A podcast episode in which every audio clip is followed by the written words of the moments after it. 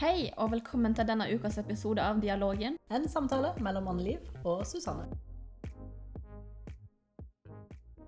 Velkommen til ny episode av eh, Dialogen podkast. I dag har jeg med meg Elise Hestnes. I dag så skal vi snakke om drivkraft og livsgnist. Da tenker vi litt på disse her menneskene som noen ganger kan virke sykt irriterende fordi at eh, de har flere timer i døgnet enn det folk flest har. Og så får de alltid gjort mye mer enn alle andre, og så virker de som om de aldri sitter i ro. Mm, Og bare takler alt. Ja, alltid. Eh, Så de skal vi snakke om litt i dag, men vi skal ikke snakke om de helt på den måten som jeg la fram nå. Fordi... Det høres jo litt sånn småsurt ut. Ja. Ja, Litt sånn lett fornærma når vi begynner. Men ja, jeg har med meg eh, Elise i studio i dag. Og Elisa, hvem er du? Vel, først og fremst skal vi si jeg er din kollega. Vel, kan vel si at jeg er på en måte vikaren til Susanne, iallfall en liten stund. For å se hvordan dette går, om jeg er villig til å bli værende. Sant vel? Ja. Jeg skal se om jeg klarer å være litt snill med deg. Vi tar dette her som sånn test run. Litt sånn pilotepisode altså sammen. Ja. Ja. Elise er kollega og eh, veldig god venninne.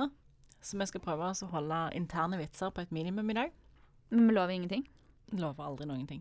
Nei. Det er veldig viktig ikke å love ting, for da trenger du ikke gå tilbake igjen på det. sant? Sant vel? Det har vi lært. Og når jeg skulle snakke om drivkraft og livsgnist, så tenkte jeg at Elise er jo den perfekte til å ha med. For der er, der er få som har Altså går på med så mye drivkraft som det du gjør, når det er et eller annet som du må gjøre. Det er jo kjekt å høre. Samtidig så har du begynt nå med å si at disse folka er så irriterende. Så jeg, merker det sånn Er det kompliment? Er det, er det noe bak? Det var det jeg tenkte, eller som jeg òg sa, vi skal snakke om disse her på en annen måte enn den som jeg begynte med. Mm. Men det er jo fint å begynne med Hei, dette er vikaren. Hun er litt irriterende, men vi ser hvordan det går. Sant vel? Og da er vi i gang. Syns du introduksjonen er fin av deg nå? Jeg vet ikke.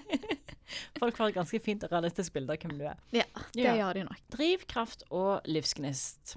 Altså, hva er det som driver folk til å gi dem de livene som de vil ha? Hva holder de gående? Hva er den livsgnisten som holder de gående? Hva er det som gjør at de liker å gjøre dette her, og må gjøre dette? Det er litt likt det som vi snakket om når vi snakket om motivasjon i en tidligere episode. Vi skal ta og se på det fra, på litt andre måter i dag.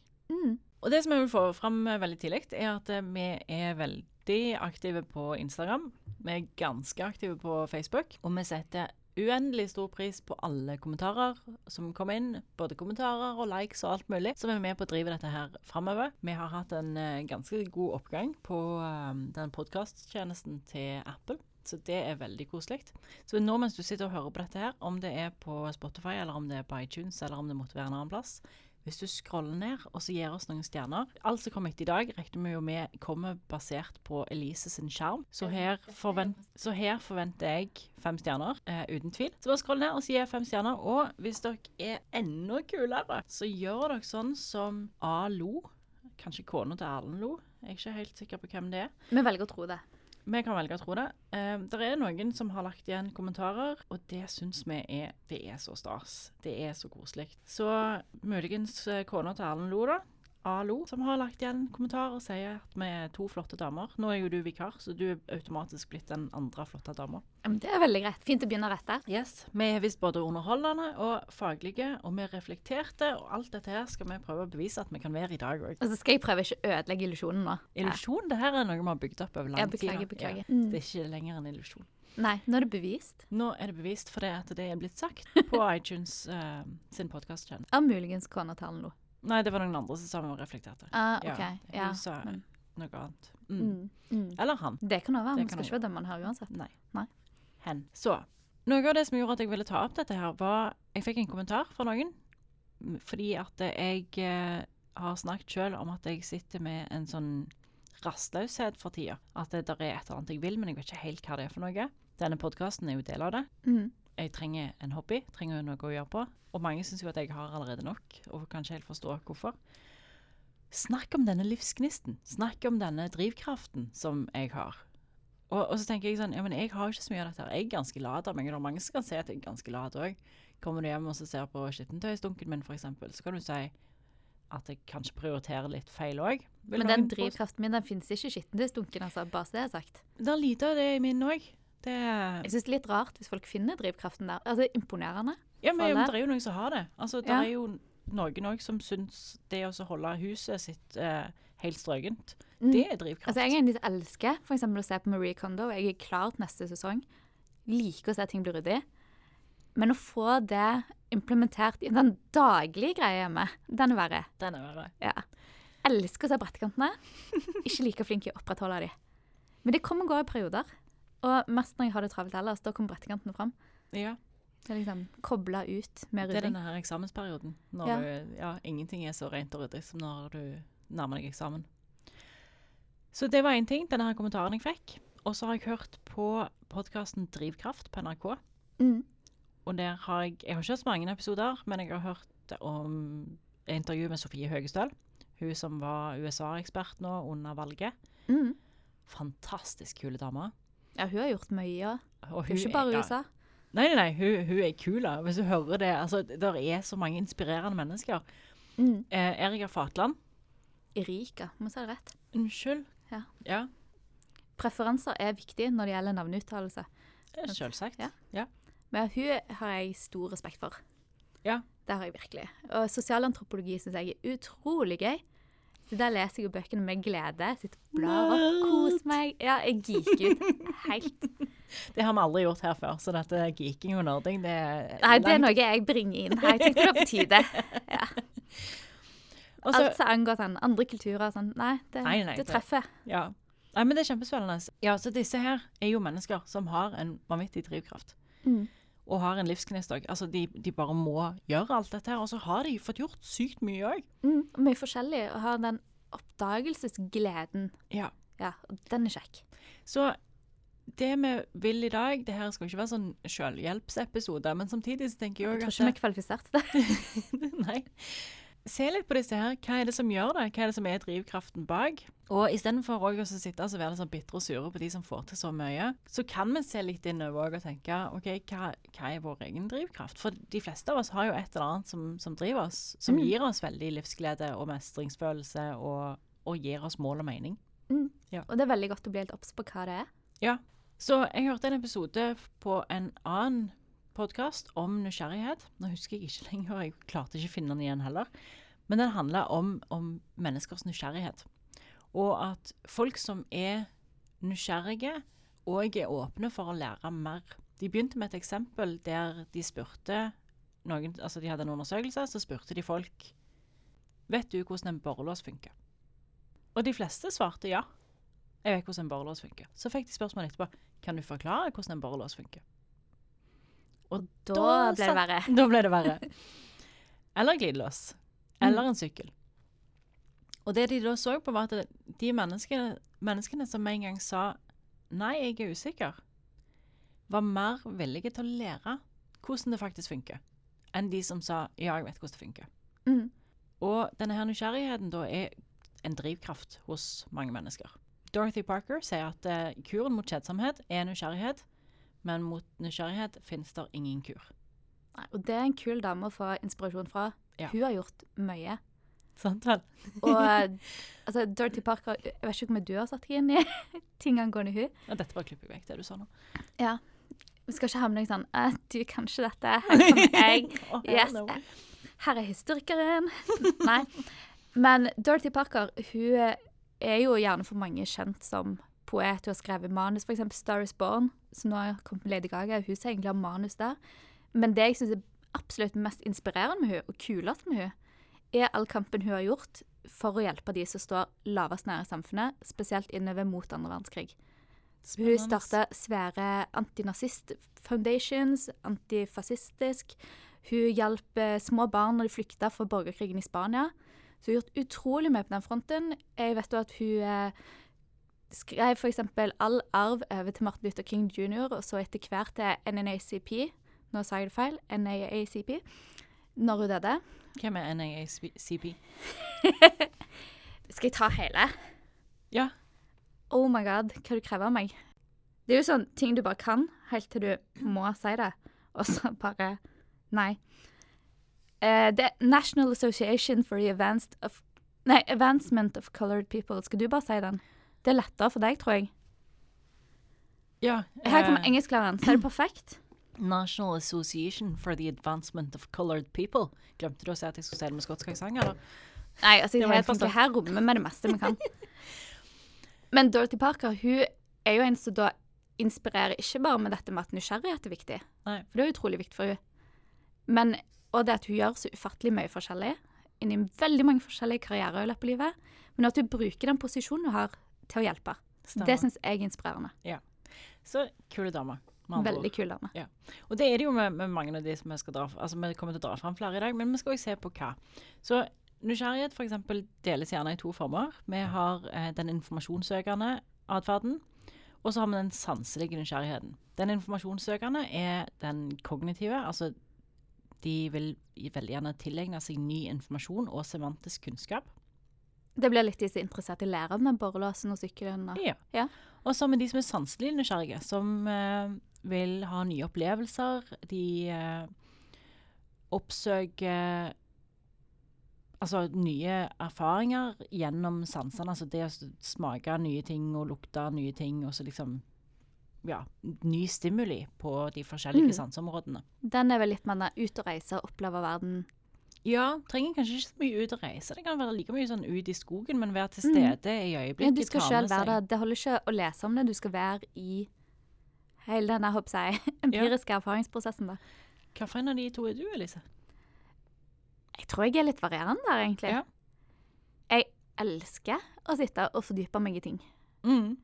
Det kan jeg bruke mye tid på. Ja. Så hvis jeg først ser en episode om et eller annet, og så er det et eller annet jeg ikke henger helt med eller ikke vet noe om, da havner jeg fort inn i en evig lang greie der jeg skal finne ut alt som ligger bak. Eh, For eksempel så var vi i Berlin for noen år siden. Og da brukte jeg en hel kveld på å sitte og lese meg opp i historien til dyrehagen. For det syns jeg plutselig var veldig interessant. Og hvordan det var, det var så så mange dyr som hadde gått tapt i andre verdenskrig. Ja. Og hva de gjorde for å redde de dyrene som var igjen.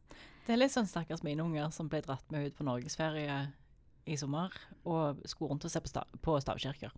Det er litt sånn, ja. Ja. Mm. Gjett hvem som hadde lest litt for mye om eh, Å, vet du hva som ligger her? Og vet du hva som var der borte? Og denne kirka, og den er sånn. Og så sånn og sånn og sånn og sånn. og sånn, og sånn. Det gikk mine unger gjennom i eh, Colosseum òg, det. Ja, ja, sant. Det, Er dere klar over hvem som satt inne i fangecellene der og der der nede? og til en viss grad syns jo de òg det er gøy, men så kan det bli for mye av det gode. kan det bli for mye? Det det, kan har bli jeg for aldri opplevd med mine Nei. unger. Men der vil jeg sagt jeg syns det det er like gøy å oppleve og erfare som det er Ja. å egentlig da ja, bare utforske på andre måter. Eksempel eh, i NIS, der det er en eh, iskremselger og ja, en iskrembutikk, der de til hver tid har i hvert fall 100 smaker. Det er gøy. Det vil jeg. Ja. Det er viktig med seg reisemål når pandemien er ferdig. Ja, ja. Da drar vi til is. Men, men det er jo det, når du da står foran disse 100 smakene, som innebærer alt fra tomat til basilikum og roseblader, og der er jo alt. Hva velger du da? Jeg vil tro folk flest velger det gode, trygge. Ja, det, det er jo det de Ja. veldig, veldig Og så lærer du litt av disse her som velger da tomat- og basilikumisen. Tenker, vet du hva, det skal jeg på pizzaen senere. Jeg tar ikke det på isen. Men det er kult at det fins. Jeg prøvde det, selvsagt. Mm. Ja, men det er Eh, bra. Det er viktig å benytte muligheten. Ja, men sant, du får det jo ingen andre plasser. Så Enig. ja, den rosebladen rosebladet var litt kvalmende. Tomat og basilikum fungerte overraskende bra. Mm. Ja. Men så har vi jo tomatfestival på Finnøy, sånn at vi vet jo det at eh, Så vi bare får de til å lage is. tomat er ei frukt, og frukt fungerer godt i is. Og det, det Da har jeg, tenker vi tar oss gir en liten shout-out til Finnøy. Is til sommeren. jeg tror de har det allerede. At vi Så- finner det ut. Det blir verre med denne laksefestivalen. Du, i- der blir den walk-and-talken. Ja, det blir verre med denne laksefestivalen i Haugesund. Nei, i, eh, på Hjelmeland. Du tenker lakseis nå? Ja, den tror jeg vi står over. Det har kommet sånn smørbart laksepålegg, så hvorfor ikke lakseis òg? Begynner liksom nærme deg konsistensen. Dere ser nå at denne her nysgjerrigheten ikke alltid er, er god for folk. Nei, nysgjerrighet er- det er både positivt og negativt, men det er viktig Ja. uansett. Og jeg tenker akkurat den der hva ismakt velger, det blir litt sånn som i, i Modern Family så beskriver de ganske tidlig han eh, gutten i huset, Luke. Ja, Og så andre folk spør kanskje hvorfor du skal gjøre noe, han spør hvorfor ikke. Sant vel. Og den er herlig. Den er litt herlig. Og det er jo ikke alle situasjonene hans jeg vil opp i sjøl, men jeg liker at det finnes folk som tenker hvorfor ikke. og så er det godt å kunne leve gjennom andre noen ganger. Intelligente mennesker er lærer av andres feil, og ikke bare sine egne. Og For- da, da har vi oss intelligente her, bare sånn Ja, ja, ja, ja. Vi lærer av Luke. Sånn som alle andre intelligente mennesker gjør. Skuespilleren er mye Mensa da, tror jeg. Så Sant vel, Ja. sant vel. viktig å spille på alle kort man har. Forskning indikerer at nysgjerrighet fremmer individets utvikling kognitivt, sosialt, emosjonelt og fysisk. Dette ses i hele menneskets livsløp og angår alt fra utvikling av identitet og tilknytning til sosial kompetanse og tilfredshet. Noen mener nysgjerrighet er en viktig faktor for god mental helse. Og det, vi snakket mye om neuroplastisiteten forrige gang, om hvordan hjernen blir påvirka av trening.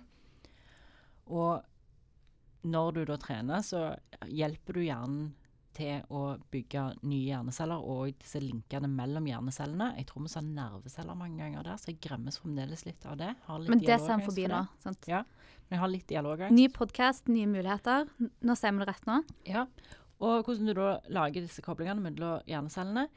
Og nysgjerrighet er jo òg noe som driver deg fram til å lage enda flere av de koblingene. Det, og det finnes jo veldig mye forskning på hvordan nysgjerrighet, og nysgjerrige mennesker da, rett og slett fungerer gjerne litt annerledes. Ja. At f.eks. dopamin er noe du opplever på en annen måte. Mm. Og det er noe som driver deg, det er noe som gjør deg mer engasjert, og det gir deg denne her gjerne indre motivasjonen når belønningssystemene blir aktivert på en annen måte. Ja. Og, den tror jeg vi begge merker. Vi, vi har litt av den begge to. Ja. Nysgjerrig er den type motivasjon som er basert på belønning. Og det er det du snakker om, disse her hormonene. Og det er da du har indre og ytre motivasjon og alt dette. Og når hjernen sjøl driver deg Ja. Ja. Da er det indre motivasjon. En Det er veldig det. sterk Ikke at vi skal påstå at vi kun har det. det nei. Nei, men det er, Men det er viktig å ha det i tillegg. det er sjelden at vi får noe særlig ytre motivasjon lenger for dette her. Altså Når du er i skolegang, så vil den ytre motivasjonen f.eks. være karakterer. Mm. Og jeg får jo ikke karakter på det jeg gjør lenger. Nei.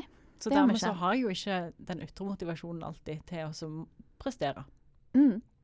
Nei, da blir det heller den indre motivasjonen og nysgjerrigheten som da driver deg fram, for du vet det er gøy. Og det driver deg fordi at du har lyst til å faktisk lære mer, og du kjenner igjen den følelsen fra før av. Ja. Når jeg lærer noe nytt og utfordrer meg på denne måten, så åpner det opp helt nye horisonter, og jeg får de og de rett og slett positive koblingene jo hodet. da. Du får dopaminen. Den Ja. hjelper. Den er herlig. Ja, det er selvfølgelig. Det viser seg at eh, noen av disse her nysgjerrige menneskene Det er en, en eh, studie gjort i California av eh, dr. Mathias Gruber og kollegen hans, som viser at hjernen til svært nysgjerrige mennesker jobber annerledes. For deres dopaminerge system har en høyere intensitet og forbindelse. Ja, og det er jo det vi har snakket om nå, da. Ja. Rett og slett at eh, dopaminet er på en måte kobla til denne her mestringsfølelsen på en annen måte enn hos mange andre mennesker. Så nysgjerrige mennesker opplever en tilfredshet i læringsprosessen i seg sjøl. Mm. Og det er jo det de har lagt vekt på. Denne altså, du kan, dopaminerge systemet i hodet. Det er jo det som da både gjelder ja, nysgjerrighet, men også andre punkt i livet. Ja. Der du da merker en slags sånn tilfredsstillelse. Og den får du jo da ved å rett og slett oppsøke disse situasjonene. Du setter deg i en situasjon og skal lære. Og der har vi alle hatt de der epiphany-øyeblikkene. Mm. Og så er det det å ikke gi deg heller. sant? Og det, det er et uttrykk jeg bruker på engelsk, for at det, vi har ikke et like godt norsk uttrykk for det. Epiphany er det øyeblikket der lysbryteren blir skrudd på, og du ser koblingen, og du er ser at sånn er det. Og vet du hva? Det er herlig å se hos andre òg. Det vil jeg tro er en av mine sånn, store drivkrafter som lærer i tillegg. Ja. Når du ser den lysbryteren gå på, det er så gildt. det er helt fantastisk. Ja. Nå er det litt dumt at du, skulle, at du drar inn elever, for jeg skulle akkurat til å si liksom, OK, ja, sex er bra, men har du noen gang hatt en skikkelig epiphany? Og så måtte du snakke om elever, og da blir det feil feil. Det ble litt rar kobling, men det var du som lagde den koblingen nå, ikke jeg. Så Ja, jeg hiver det ikke, jeg hiver det ikke på meg. Nei, nei. Jeg gjorde det før du begynte å snakke om elever, så jeg vil være unnskyldt. Ja, jo, Ja. greit. Nei, men det viktige det er jo da at altså, du oppsøker denne prosessen egentlig med vilje. Du vil lære. Du vet du får noe positivt ut av det. Om det er bevisst eller ubevisst, så forbinder du noe positivt med det. Du har positive konnotasjoner til dette. Stemmer. Det har du. Yeah. Og da er det jo akkurat denne altså du sier, epiphany-øyeblikket, så er det store. Uansett om utfordringene er vanskelige, om du gjerne tar år å komme fram til noe, som de gjerne gjør i forskning. Sant? Dette er jo hjerneforskere vi snakker om, de har nok brukt mye lengre tid enn det vi har på våre epiphanies. Men det at du bruker lang tid, du stanger mot disse hindringene, og så går det likevel. Ja. Og det er, jo, det er jo der Susanne er nå. Det er jo derfor du er inne istedenfor hun. For at Susanne sitter nå og så dunker hodet i veggen eh, og venter på disse epiphany-øyeblikkene. Ja. Og jeg snakket med henne nå for ikke så lenge siden, og hun sa det at det er jo sånn at du plutselig våkner midt på natta, og så er det sånn Å ja, sånn er det jeg skal gjøre det. Og da er det viktig å skrive den der. Ja. Og det var så, Største løgnen jeg forteller meg selv, er jeg kommer til å huske dette. Så satser på hun ikke gjør den. Hvis ikke, lite hint, hint. Susanne, skriv. ja, nei, hun er fullstendig klar over det. Hun er smartere hun enn meg. Jeg sendte, me sendte mail til veileder, jeg. Sånn!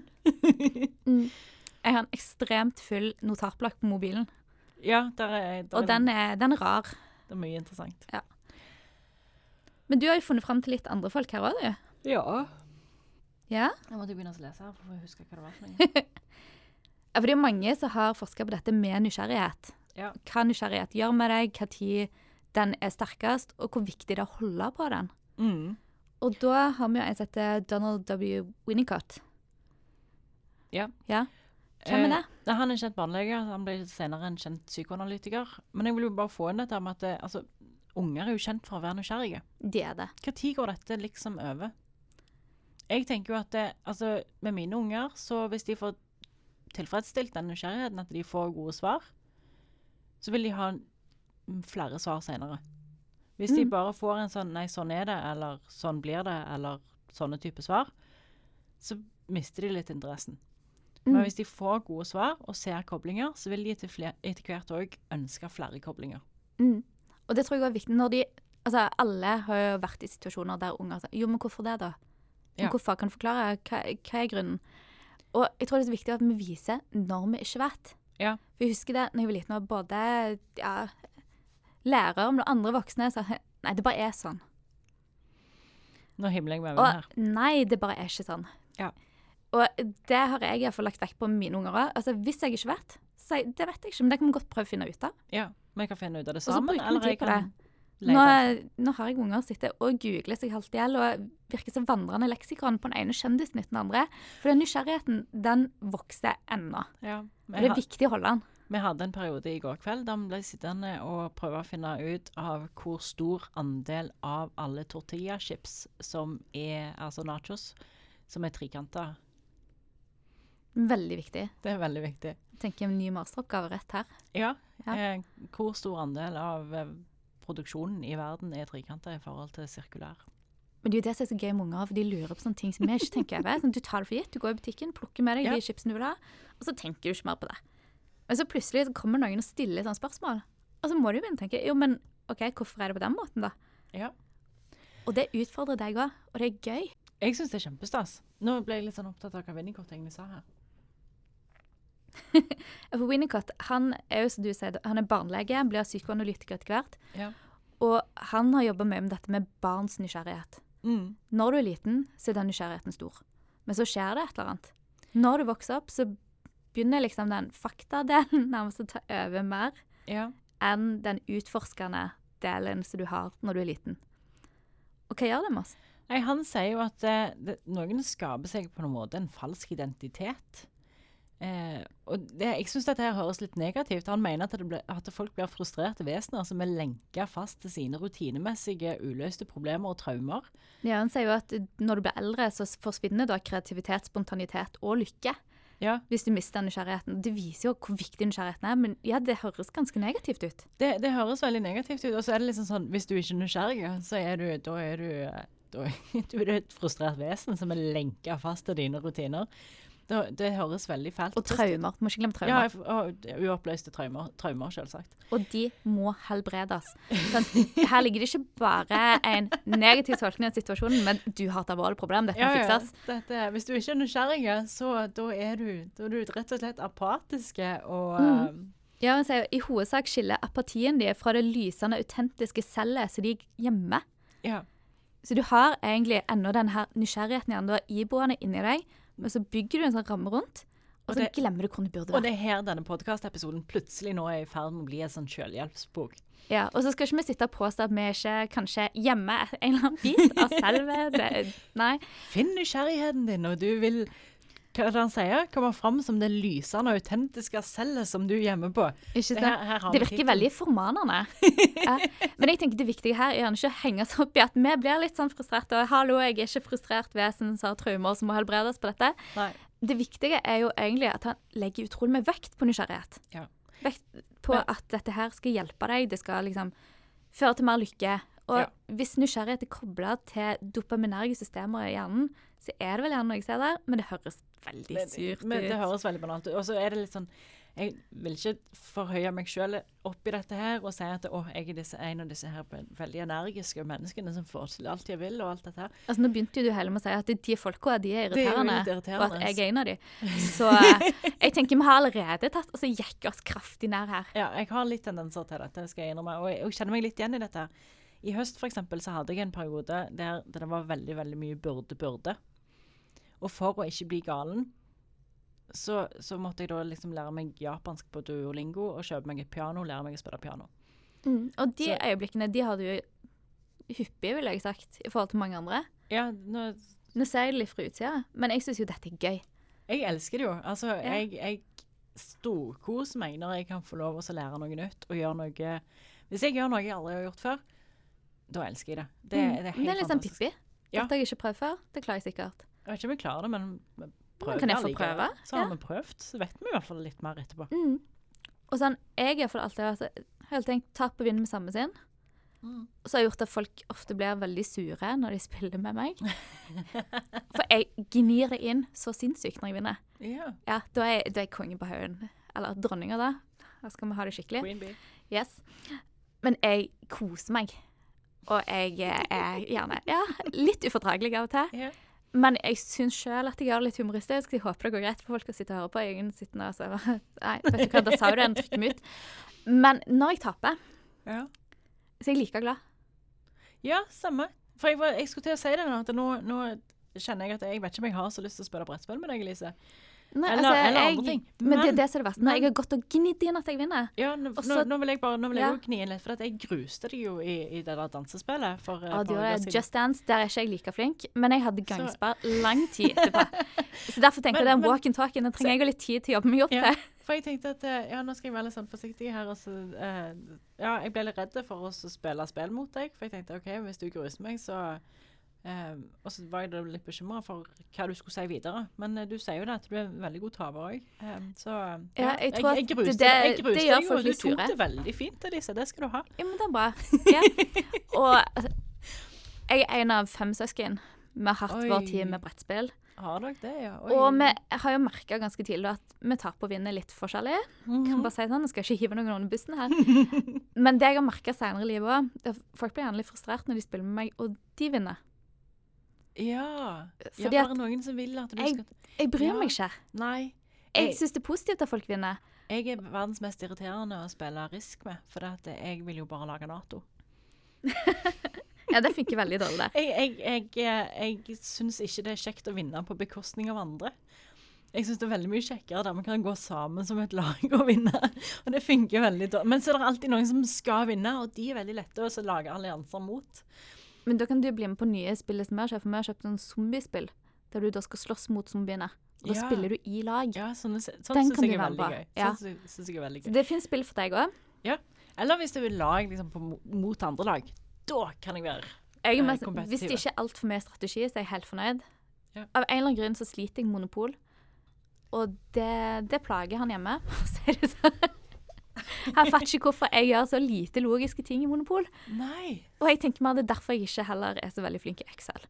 Ja. Det er et eller annet der som bare ikke klaffer. For der, der forsvinner din nysgjerrighet. Ja. ja. Det kan man si. ja. Og når nysgjerrigheten forsvinner, så forsvinner det meste. Mens for eksempel ja, Jeg husker når vi var små og spilte dette 'Vil du bli millionær?' og det var spørsmål og sånn. Trivial Pursuit. Elsker det! Ja. Uten å ha sport.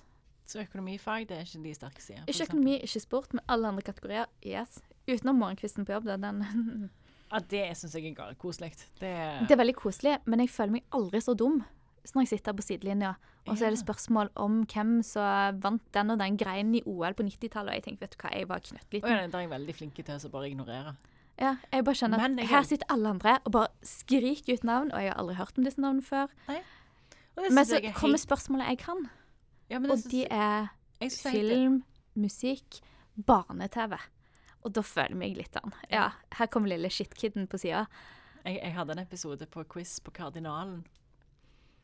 eh, der jeg satt med noen som var lynende intelligente og kunne svare på det meste. Og det resulterte at jeg, jeg satt bare og holdt kjeft. Det var en del jeg kunne svare på, men, eh, men de kunne alt. Så dermed så, så bare satte jeg meg tilbake og, og nikka hvis jeg trang det. Nei, og da satt jeg eh, og bare nikka, og så helt til sjangeren boyband på 90-tallet kom. At, men det er en sjanger for oss. Så jeg ble jo hun der tausa som ikke kunne noen ting, som bare satt og nikket og smilte. Eh, og det eneste jeg kunne, det var boyband på 90-tallet. Så, så gjett hva bildet de hadde av meg når jeg gikk derfra den kvelden. Nei, du er boyband-jente. Men eh, det kan ikke jeg påstå at jeg ikke er, så altså, Det jeg også syns er veldig veldig gøy når det gjelder sånn quiz-situasjoner Ja. Du innser jo hvor ufattelig forskjellige folk er, Ja. og hvor mye rare ting folk kan noe om.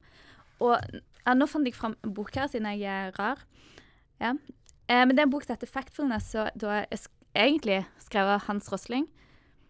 Så er en veldig, veldig kjent person. Ja, han er en Yes. Jeg, Jeg Vet ikke om jeg trenger å forklare han. Han er vel egentlig selvforklart, nesten. Nei, men jeg må si Hans Røsling, han eh, driver med, med statistikk. Er vel hans Ja, eller eh, drev med. drev med. Det var hans hovedområde. Og han har jo sett på Han er veldig kjent for å se på utviklinga av verden, og så prøve å knuse de mytene som finnes om at verden bare blir verre og verre. Mm. Altså, han er lege, professor i internasjonal helse, rådgiver for Verdens helseorganisasjon i sin tid. Han starta Leger uten grenser. Han har gjort veldig, veldig mye. Men det jeg syns er veldig interessant med alle disse TED-talksene og ja, egentlig alt arbeidet hans knytta til det vi snakker om nå det, Han snakker litt om denne her ja, nærmest sånn quiz-kunnskapen. For det er veldig mange som er skikkelig eksperter. Spesielt innenfor de fagfeltene som han jobber i. Du møter på mange eksperter. Og de ekspertene kan ikke nødvendigvis så mye utfor sitt fagfelt. Så når du da sitter her med boyband-kunnskapene dine og endelig får lov å briljere, så er det jo andre som sitter da og ikke kan noe som helst om veldig veldig mye, fordi at de har fordypt seg så sykt i én ting. Og det er litt stilig å tenke over. Ja. Du har personer som du ser sånn opp til, som du tenker er så intelligente, de kan så mye, og det kan de òg. Men samtidig så er det svære hull i kompetansen. Ja, og det er veldig fascinerende når, eh, hvis du henger på et universitet og eh, henger med disse professorene og sånn en stund. Og nå skulle jeg til å si, for dette ble brukt som et eksempel lenge, at de da altså de kommer og de kan så vanvittig mye, men knytte skoene sine kan de ikke. Mm. Men så kjente jeg at det var noen som kanskje ville bli truffet av den kommentaren, og så hadde jeg lyst til å holde den for meg sjøl allikevel. Og så få den Men det redigerer vi da vekk. Jeg lurer på om vi bare lar den henge der, og så kan den personen som følte seg litt truffet av den kommentaren, kan få lov å så bare kjenne litt på den litt på egen Mm. Sånn. Du kan få lov å komme til oss etterpå og snakke om det. Vi kan ta en liten runde. Det, det Ja. går fint. Kartlegge all eh, kunnskap og så- Mm. og hullene. Ja. Men Ja. det, det jeg syns er så fascinerende med alt dette her, da, med at noen er eksperter, og noen kan gå sinnssykt i dybden på enkelte ting Jeg er litt mer enn de der fun fact-personene. Ja. Elsker fun facts. Kan sitte i filmer og bare 'Du, forresten, visste du at?' Sant? Det syns jeg er kjekt. Men det som han, eh, Hans Rosling også sier, det er at mange har et sånn ensidighetsinstinkt når du jobber. Du fordyper deg veldig i en ting. Men for å kontrollere det, så må du skaffe deg en verktøykasse, ikke en hammer. ja. Og det er det mye sant i. Vil du utdype? Altså Hvis du har kun en hammer, så kan du jo da bokstavelig talt hamre løs på én ting, men den kan ikke brukes til alt.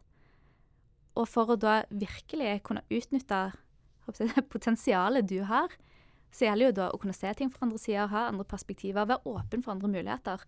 Og der tror jeg mye av denne nysgjerrigheten ligger òg. Ikke bare at du skal ut og se verden og da, ja, smake tomatis og basilikumsis, men at du skal være åpen for hva andre tenker. Og at Selvsagt. kanskje din måte å tenke på er feil. Ja. Og om det så ikke er feil, så er det lurt å vite hvorfor folk reagerer. Hvorfor tenker noen på en annen måte? Hvorfor krangler folk om disse tingene og har gjort det i tusenvis av år? Og det er derfor det er veldig viktig med dialoger.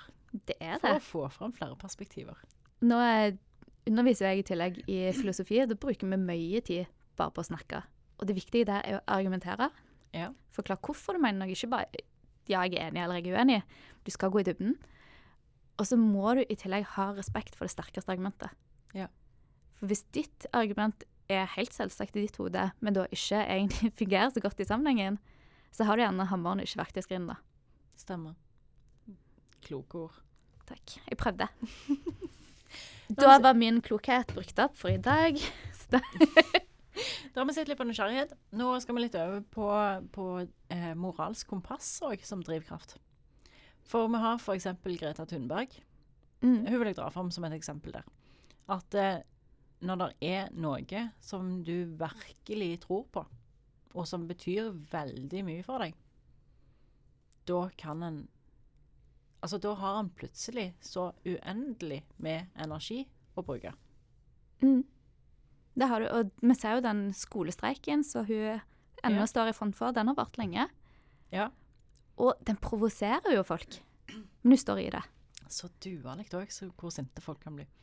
Ja, og altså, hun har bein i nesen. Ja. Og det er tøft. Og det er jo det at sånn, her har hun funnet noe som hun virkelig tror på. Og det er bare én ting. Altså, hun har jo begynt å engasjere seg litt i andre emner òg etter hvert. Mm. Men, men her spesielt så står hun på, på klimasaken og nekter å gi seg. For for hun så er det så viktig Mm. at alt annet blir litt uviktig Det, Ja. Altså, det er noe jeg jobber en del med som lærer da, med elever. Det går til et sånt punkt litt utover i moderne tid der det er fokus på at det skal være for religiøse forklaringer, at det skal være en stor mening med livet, det begynner å forsvinne. Ja.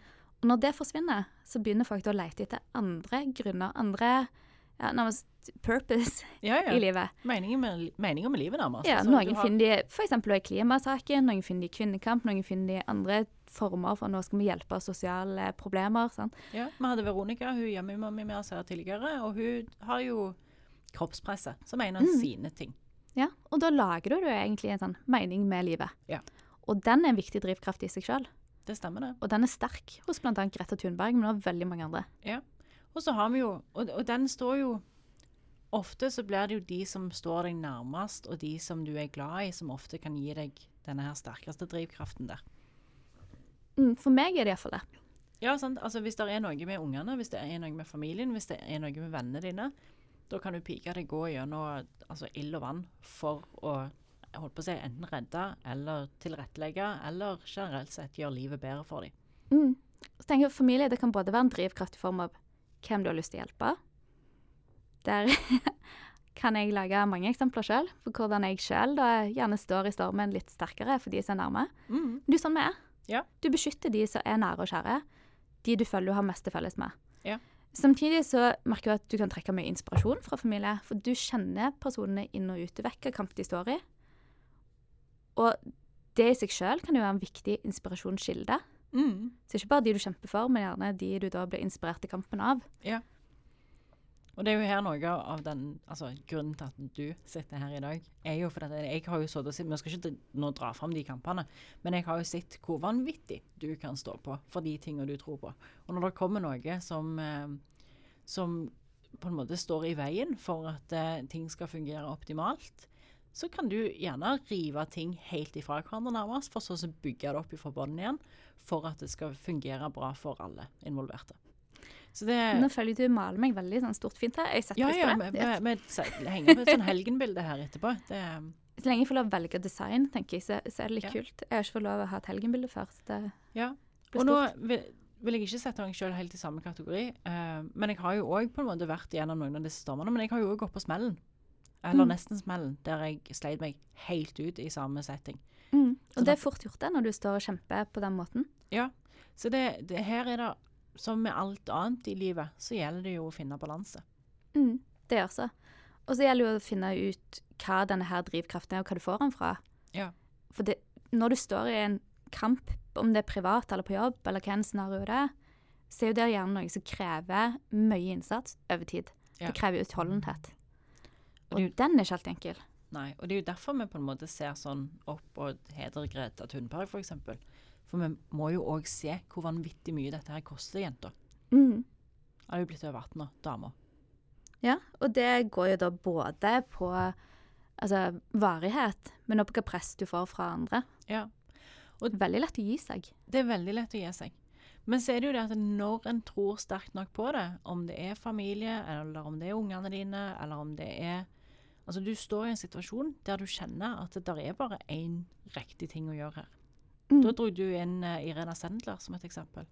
Ja, Irena Sendler hun er en person jeg sjøl syns er, eller var, utrolig tøff. Ja.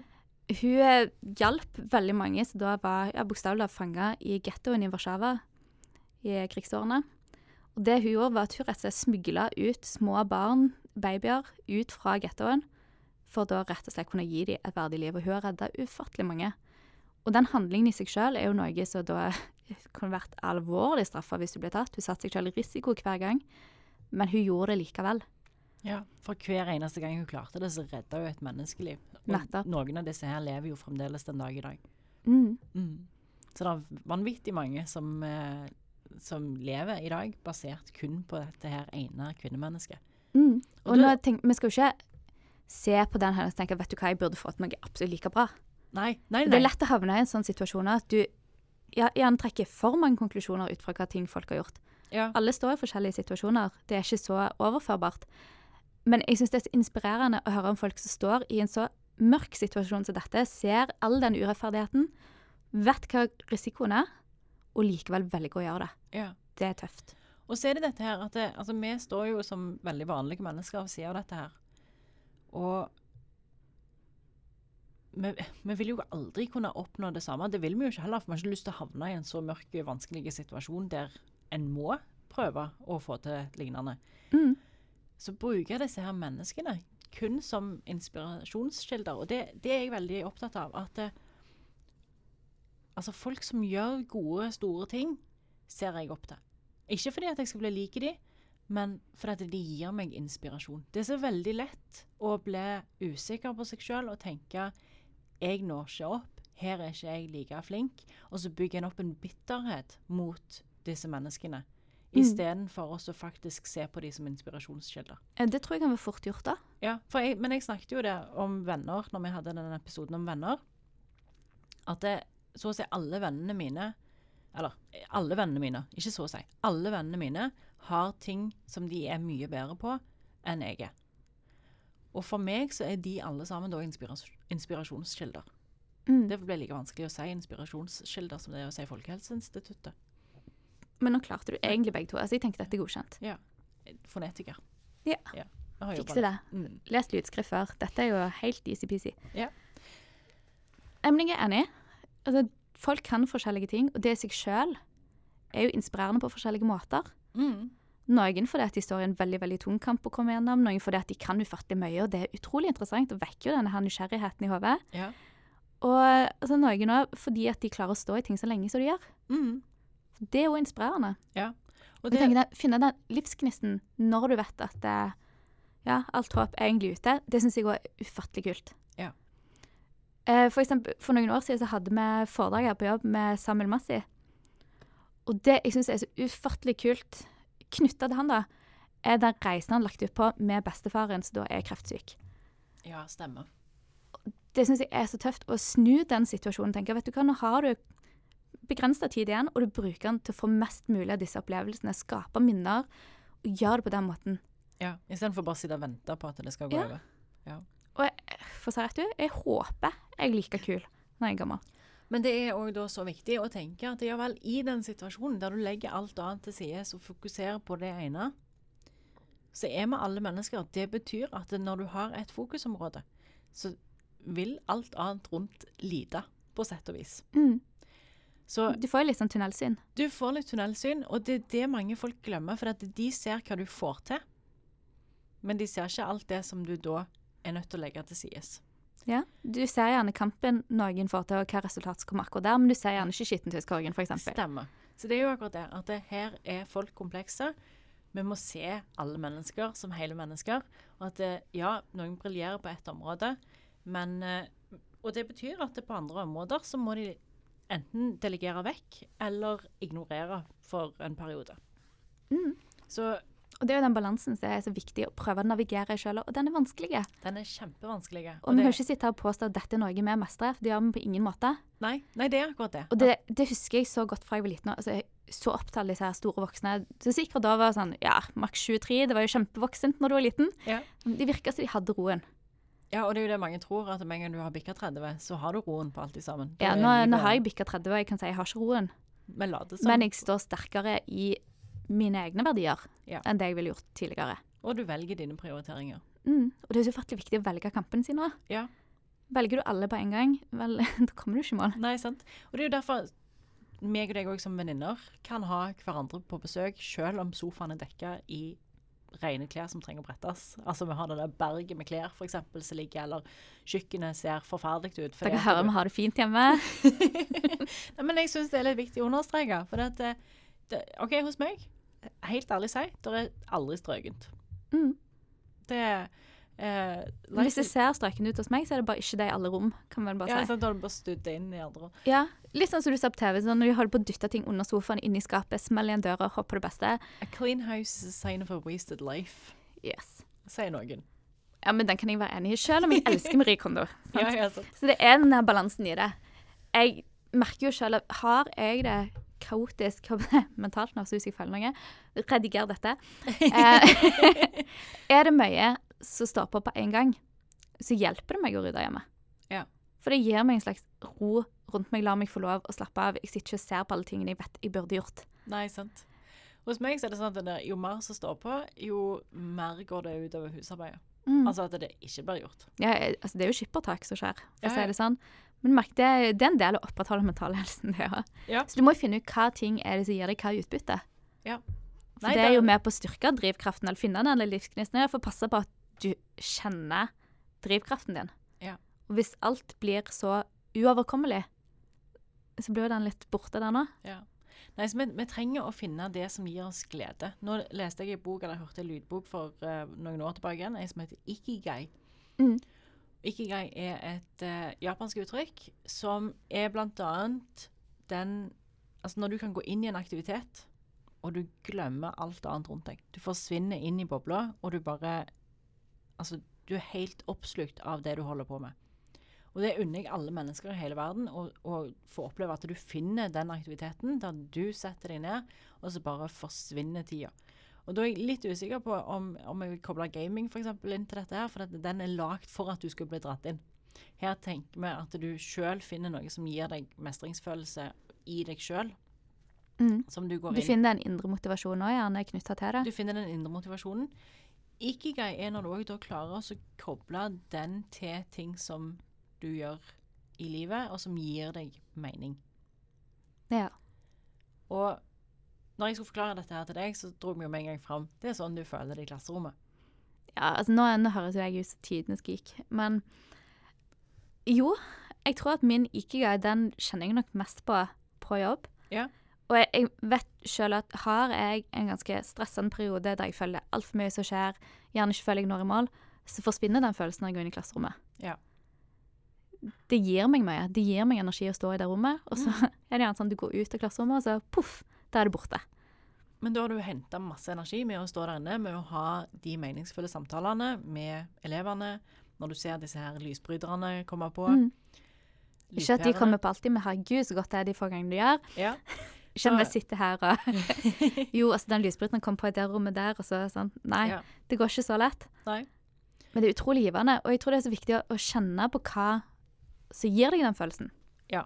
Og la deg selv få lov å innse det. Vet du hva, dette her hjelper meg på den måten fordi at Og hvis det gir deg mål og mening i livet, så ta vare på det. mm, Finn din ikke-gei. Altså tillat deg sjøl å finne din ikke-gei. For når livet er bare byrde, byrde, og det er så mange andre du skal ta hensyn til, så mister du jo deg sjøl. Ja. Og så er det viktig å huske at der er vi alle så vilt forskjellige òg. For det ikigai, som du sier uh, Nå har jo ikke jeg satt meg like mye inn i det, har ikke lest dette. Lydbok, var det vel. Ja. Men det at du kan gå helt inn i noe og miste deg sjøl, glemme tid og alt Det er magisk. Ja, er sånn er jo herlig. Ja. Og jeg må si, det er jeg egentlig sånn jevnt over veldig dårlig på. For jeg blir rastløs. Ja. Noe av det verste jeg kan se for meg, er hvis jeg er nødt til å være stuck hjemme, og kanskje pøsregn ute, og butikker er stengt, alt det gale. Altså, jeg fungerer dårlig i en pandemi, kan vi bare Ja. si det. Det spørs hva slags pandemi. Hvis du skal ut og slåss mot zombier, så ser jeg for meg at du hadde briljert. Til dels. Til Yes. dels, ja. ja. Jeg vet ikke helt, men Rastløsheten hadde forsvunnet. altså, et av tullebildene mine på Pinterest ble en gang lagra av en sånn zombie-apokalypse-prepper. Så jeg tenker det er, jo, det er jo noe positivt her med hva jeg sitter og tuller med. Definitivt. Yes. Ja. Jeg kan ikke si ideen var lur, men det var ikke min vurdering. Sant? Men jeg tror den Altså, jeg sliter litt med å finne altså, gøy, for jeg går fort lei av å sitte og gjøre én ting. Ja. Det betyr ikke at jeg ikke kan gjøre det hver eneste dag i en lang periode. Men jeg klarer liksom ikke å glemme meg sjøl hele tida. Gjerne da utenom jobb. Jeg kan bruke ufattelig mye tid på jobb. Ja. Det sier ungen òg. Mamma hun jobber hele tiden. Men det er siden jeg syns det er gøy. Ja, ja, men det er jo det. sant? Det har jo på en måte ført meg inn i den jobben jeg er i. Stemmer. Så det er jo det når du finner den drivkraften, og den kjenner jeg jo godt til sjøl òg. Når du kan ha de der gode samtalene med klassen, Mm. så men, men jeg kan jo òg miste det. At hvis jeg har for mye annet som står på, så klarer jeg ikke å gi like mye av meg sjøl i det, og dermed får jeg ikke heller like mye tilbake igjen, osv. Mm. Og om du så kaller den ikke-gøy, så betyr ikke at enten så klarer du å holde den helt oppe det nivået, eller så Nei. er det borte heller. Sånn. Ja. Men jeg vet jo for min egen del at jeg valgte å bli lærer fordi at jeg har lyst til å være en stødig voksenperson i livet til tenåringer. Ja. Det er hovedgrunnen min til å bli lærer. Ja. Det var noe jeg sjøl savna en god del da jeg vokste opp. Mm. Og eh, altså, det jeg tror jeg sa på jobbintervjuet Det jeg har lyst til, er rett og slett å kunne være den personen når de trenger meg. Ja. Om det er faglig, eller om det er andre ting som foregår. Rett og slett bare kunne være der. Og der har vi, sant? Det er jo òg en av de tingene som, som du kjenner på, som gir deg mening. Mm. At i det øyeblikket der du kan stå der og kjenne at eh, jeg utgjør en forskjell for dette mennesket, Mm. Så er du på en måte litt inni den ikigai-bobla di òg. Ja, jeg trenger å føle meg nyttig, tror jeg. Ja, Og det gjør vi jo på forskjellige måter. Så, men, men det gjør jo òg at, eh, at da tar du ofte den vanskelige veien, den lengre veien, for å kunne oppnå dette her. For at når du virkelig har noe som driver deg, når du har noe du tror på, så kan en godt gå litt lengre for å oppnå det. Mm. Og du tar ikke den lette veien ut. Nei, og det, det er jo viktig å kunne klare å gå den lange veien, for oftest trengs det. Ja. Det finnes ikke alltid lette løsninger. Og altså, jeg har jo lyst til å dra inn et Einstein-sitat, jeg. Dra inn en Ja, så virker vi litt smartere. Einstein han sa at det er ikke det at jeg er så smart, det er bare det at jeg våger å stå i problemer lengre. Ja. Den tror jeg mye sant i. Ja, og det, jeg husker jeg fikk den eh, på en måte slengt etter meg en gang. At det, åh, ja, men skole er jo så lett for deg. Jeg har jo tatt lang utdanning og alt dette her, og folk tror jo at det, altså, da er det bare enkelt. Og, men uh, det er ingen som har sett alle de timene jeg har sittet og nesten grenet over bøker fordi jeg er for trøtt og jeg er for sliten. Og jeg husker spesielt ett år, så åh, bøkene føyk veggimellom, for jeg ble så sint da, og ble så frustrert da, og jeg fikk det ikke til. Mm. Men så er det den der at jeg har en vilje til å fullføre, og jeg skal få det til, Mm. som gjør at det selv om liksom, tårene renner, og jeg er sint og frustrert, så går jeg og henter de bøkene opp igjen, og så prøver vi en gang til. Mm. Og den kan være tung. den, den er beintunge, og herremann, altså alle som har stått i ting som er vanskelige, vet jo det. Mm. Og, men så er det jo også å lære seg disse her tingene, som at en gåtur hjelper på kreativiteten, f.eks. Eh, og det å sove gjør at du husker bedre. Så prøv å få inn disse her tingene innimellom, istedenfor å bare sette seg ned og så prøve å cramme inn mest mulig kunnskap på kortest mulig tid. Det funker jo ikke. En må lære seg hva som funker for seg. Ja, og det gjelder jo både når du skal da samle inn ny informasjon med forskjellige læringsteknikker. Det er en grunn til det finnes mange av de, Sant men det? det gjelder jo òg drivkraft i det hele tatt i livet. Ja. Sånn, det er ikke bare studier, det gjelder alt. Ja. Så du må finne ut hva er det du liker, hva er det som gir deg noe. Så må du gå etter det, rett og slett. Mm. Og så må du gjerne da tenke over hvem er det du føler at mest av disse tingene, og hva er det de gjør. Ja. Og så eh, Den ene som jeg hørte på på denne podkasten, som jeg nevnte i begynnelsen, om Mm. drivkraft, er han som heter Jan Vincents Johannessen. Han er bl.a. lege, han har skrevet mye eh, altså fiksjon og sanger og diverse. En sånn mann som virker som om han får til alt. Renessansemann. En renessansemann, rett og slett. Men det er jo Erika og Det er jo Fatland og Høgestøl òg. Mm. Ja, det er jo folk som gjør mye. Det er jo renessansemennesker som får til mange på mange områder. Og da vil jeg knytte inn denne Maslows behovspyramide.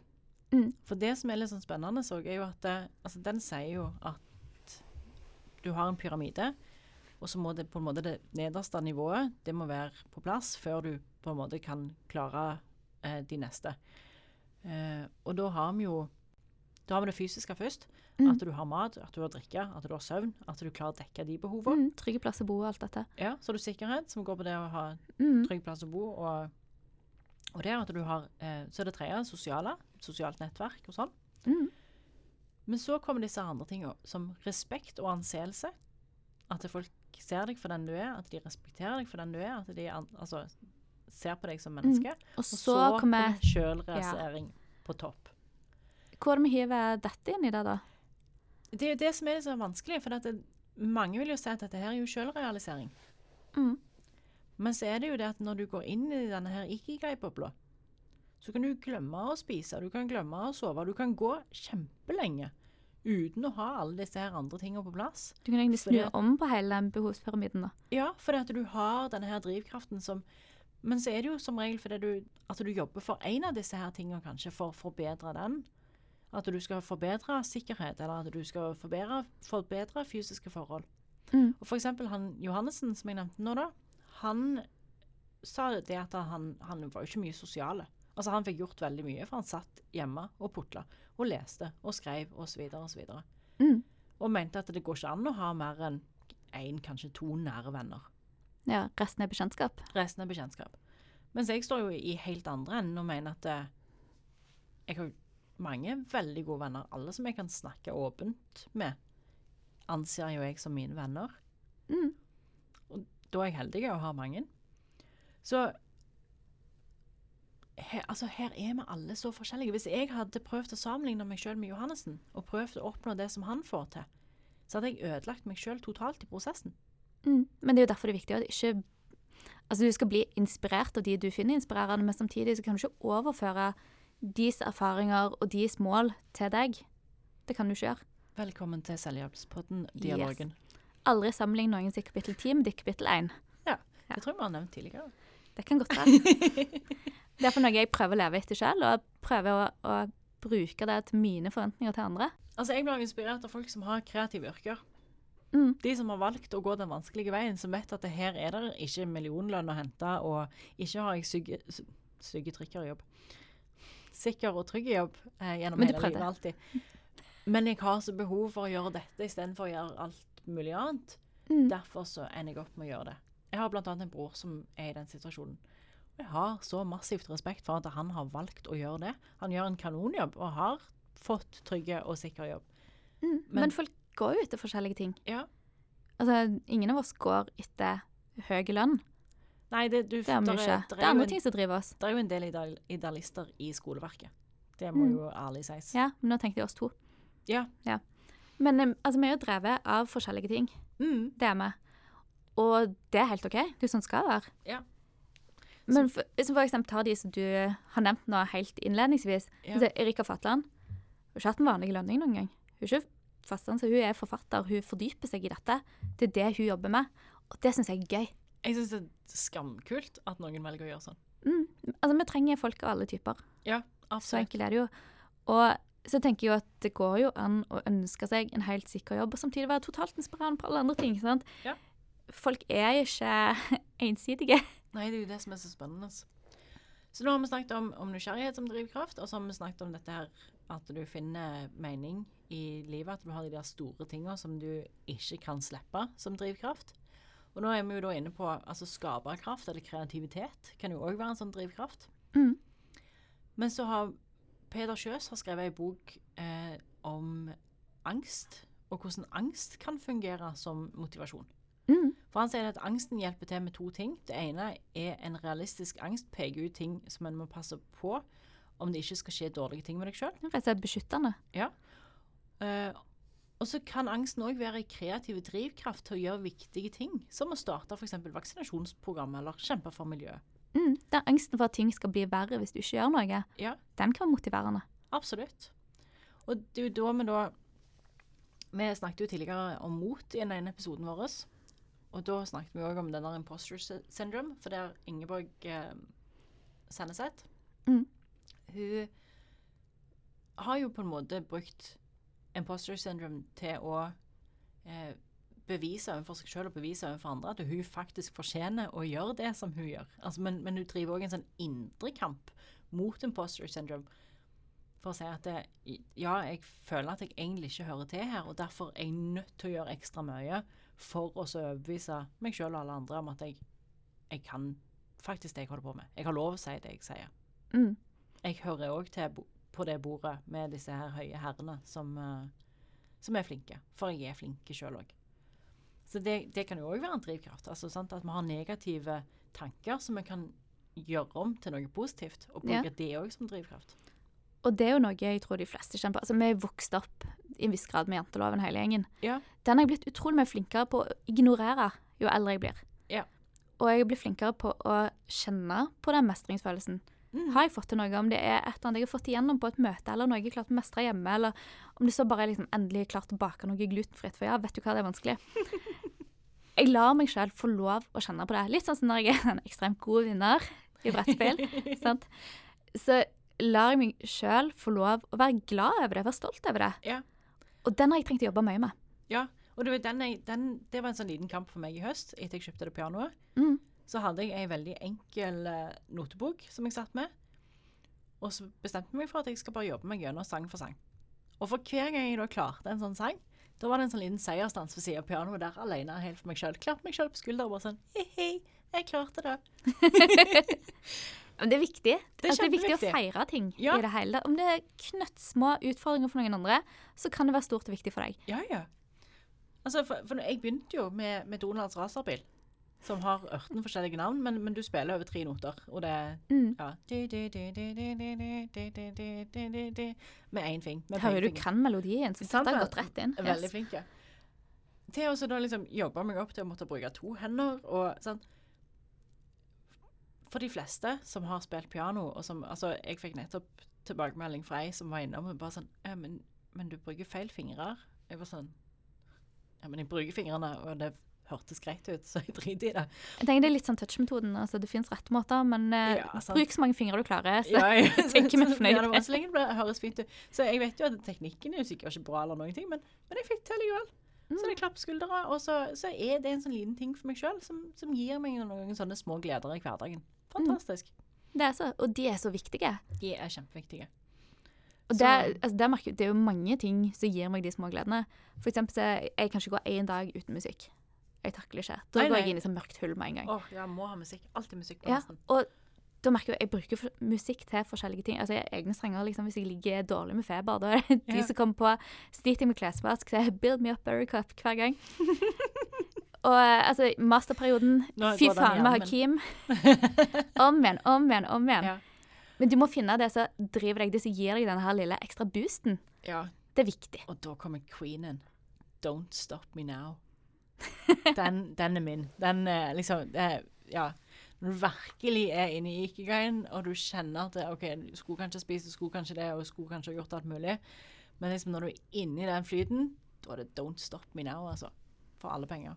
Ja, og når du bruker den på den måten, Ja. setter du den på da, så trigger det ting. Det trigger ting, for at Og det, det er bra. eh, du må bruke den når du er inne i den perioden. Når du kjenner at det nå eh, brenner det rundt deg. Altså du, du nyter øyeblikket. Da setter du den på. For neste gang du da setter den på, så får du konnotasjoner til den forrige gangen du hørte på den. Nettopp. Ja. Og det er jo det som er viktig. Og derfor merker jeg Altså, jeg hører på mye forskjellig. Ja, ja jeg Men jeg bruker det til forskjellige ting. Ja. Så står jeg i en eller annen kamp og tenker OK, nå må jeg hente ut siste lille ressursene. Så vet jeg jo liksom OK, det er disse sangene som funker, da. Sant. For eksempel eh, så setter jeg off Altså, jeg er Bon Jovi-fan. Det tror jeg folk har merka. Men da setter jeg for eksempel ofte på en sang som heter Because We Can. Ja, Og jeg elsker refrenget. sant. Det treffer rett inn med en gang. Mm. Og så, Du er ikke noen soldat, men du skal ta en stilling her. Du skal stå i det for det du kan. Ja. Og det er ikke den dypeste teksten heller. Nei, nei. Det er det ikke. Det, Det trenger ikke være det. Det skal bare treffe et eller annet i deg og gi deg den siste lille. Og det er så godt. Ja, jeg har flere sånne musikklister. Ja, Jeg tviler ikke. Og jeg er, jeg er jo et jeg er B-menneske B-menneske på min hals og begynner å bli gammel. Sånn at det, eh, nå kan jeg advare andre som når de begynner å bli gamle, det er en, en ting at eh, du sover dårligere. Jeg har begynt å våkne klokka seks i helgene. Og jeg ser ikke poenget med det i det hele tatt. Altså, Jeg er Eh, A-menneske, og jeg eh, merker litt samme tendensene uten at jeg blir glad for det, for å si det sånn. Bare fordi at alarmen står på klokka seks eller halv syv hele uka, så trenger jo ikke hodet å våkne da i helgene. Sånn lite hjertesukk for min del. Jeg klarer heldigvis å sovne igjen ennå, så kan jeg sove til klokka halv elleve. Men uh, jeg har litt, litt soveskills her nå. Uh, men det betyr at, og det har jeg sagt til alle elevene mine òg, nesten de fleste som jeg treffer før klokka ti om morgenen, for da er, da er ikke jeg våken. Det, jeg, jeg er der, eh, og jeg kan gjøre alle automatiske prosesser, men, men men hodet fungerer ikke. Fungerer derimot optimalt etter klokka ti på kvelden.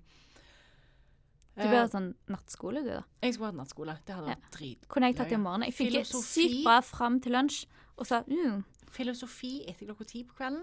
Og salig at det kunne bli kult. Uh, poenget mitt med dette her var at jeg på vei til jobb, for å våkne, så må jeg ha motivasjonsspillelister. Mm. Um, Enig. Og det, jeg pleier alltid å skru av, eller i hvert fall skru ned, når du kjører inn på jobb. når jeg kjører ned den siste bakken. For der må jeg alltid stoppe og slippe elevene over veien før jeg kjører videre. Eh, og ja, noen har hørt meg, og jeg har fått noen blikk, og ja, det er mange som flirer, men det er bare gøy. Og du er ikke alene. vet du hva? Jeg, jeg skrur vanligvis ikke ned før jeg er rett før parkeringsplassen. Ja. Og folk snur seg jo av og til. Men jeg husker når jeg satt og skrev på masteren, da satt vi i en sånn kollokviegruppe. Og jeg sitter der og er skikkelig ja, Jeg vil ikke kalle det inn i noe ikigai, for det var ikke noe koselig arbeid. Men jeg brukte jo musikken for alt den var verdt. Hadde på Guns N' Roses på full guffe. Og så plutselig så begynner noen å synge med. Og jeg sitter der og tenker hodetelefonene mine de, er- de går kun til meg. Jeg, OK, jeg må, jeg må roe ned litt. Og jeg får litt samme følelsen når jeg kjører inn på jobb. Ja, sant. Nei, musikk er kjempedrivkraft. Så absolutt. Det er det. Vi skal, vi skal dra en, en liten montagne før vi gir oss. Ja, selvfølgelig må vi vel det. Ja. Pride and curiosity are the two scourges of our souls. The latter prompts us to poke our noses into everything, and the former forbids us to leave anything unresolved and undecided. Ja, Altså. Det er det ganske mye sant i. Men jeg tror vi skal oversette den og så prøve å formidle den lite grann. Stolthet og nysgjerrighet er de to drivkraftene nærmest i sjelen vår. Den siste, altså nysgjerrighet, gjør at vi går og så dytter nesene våre opp i alt. Og den første, altså stolthet, nekter oss å la noen ting ligge uløst. Mm. Og der er det mye sant. Skal vi la det ligge der, og så la det ligge som modne hos folk? Ja. Ja. Det kan vi gjøre. Takk for praten, Elise. Tusen takk.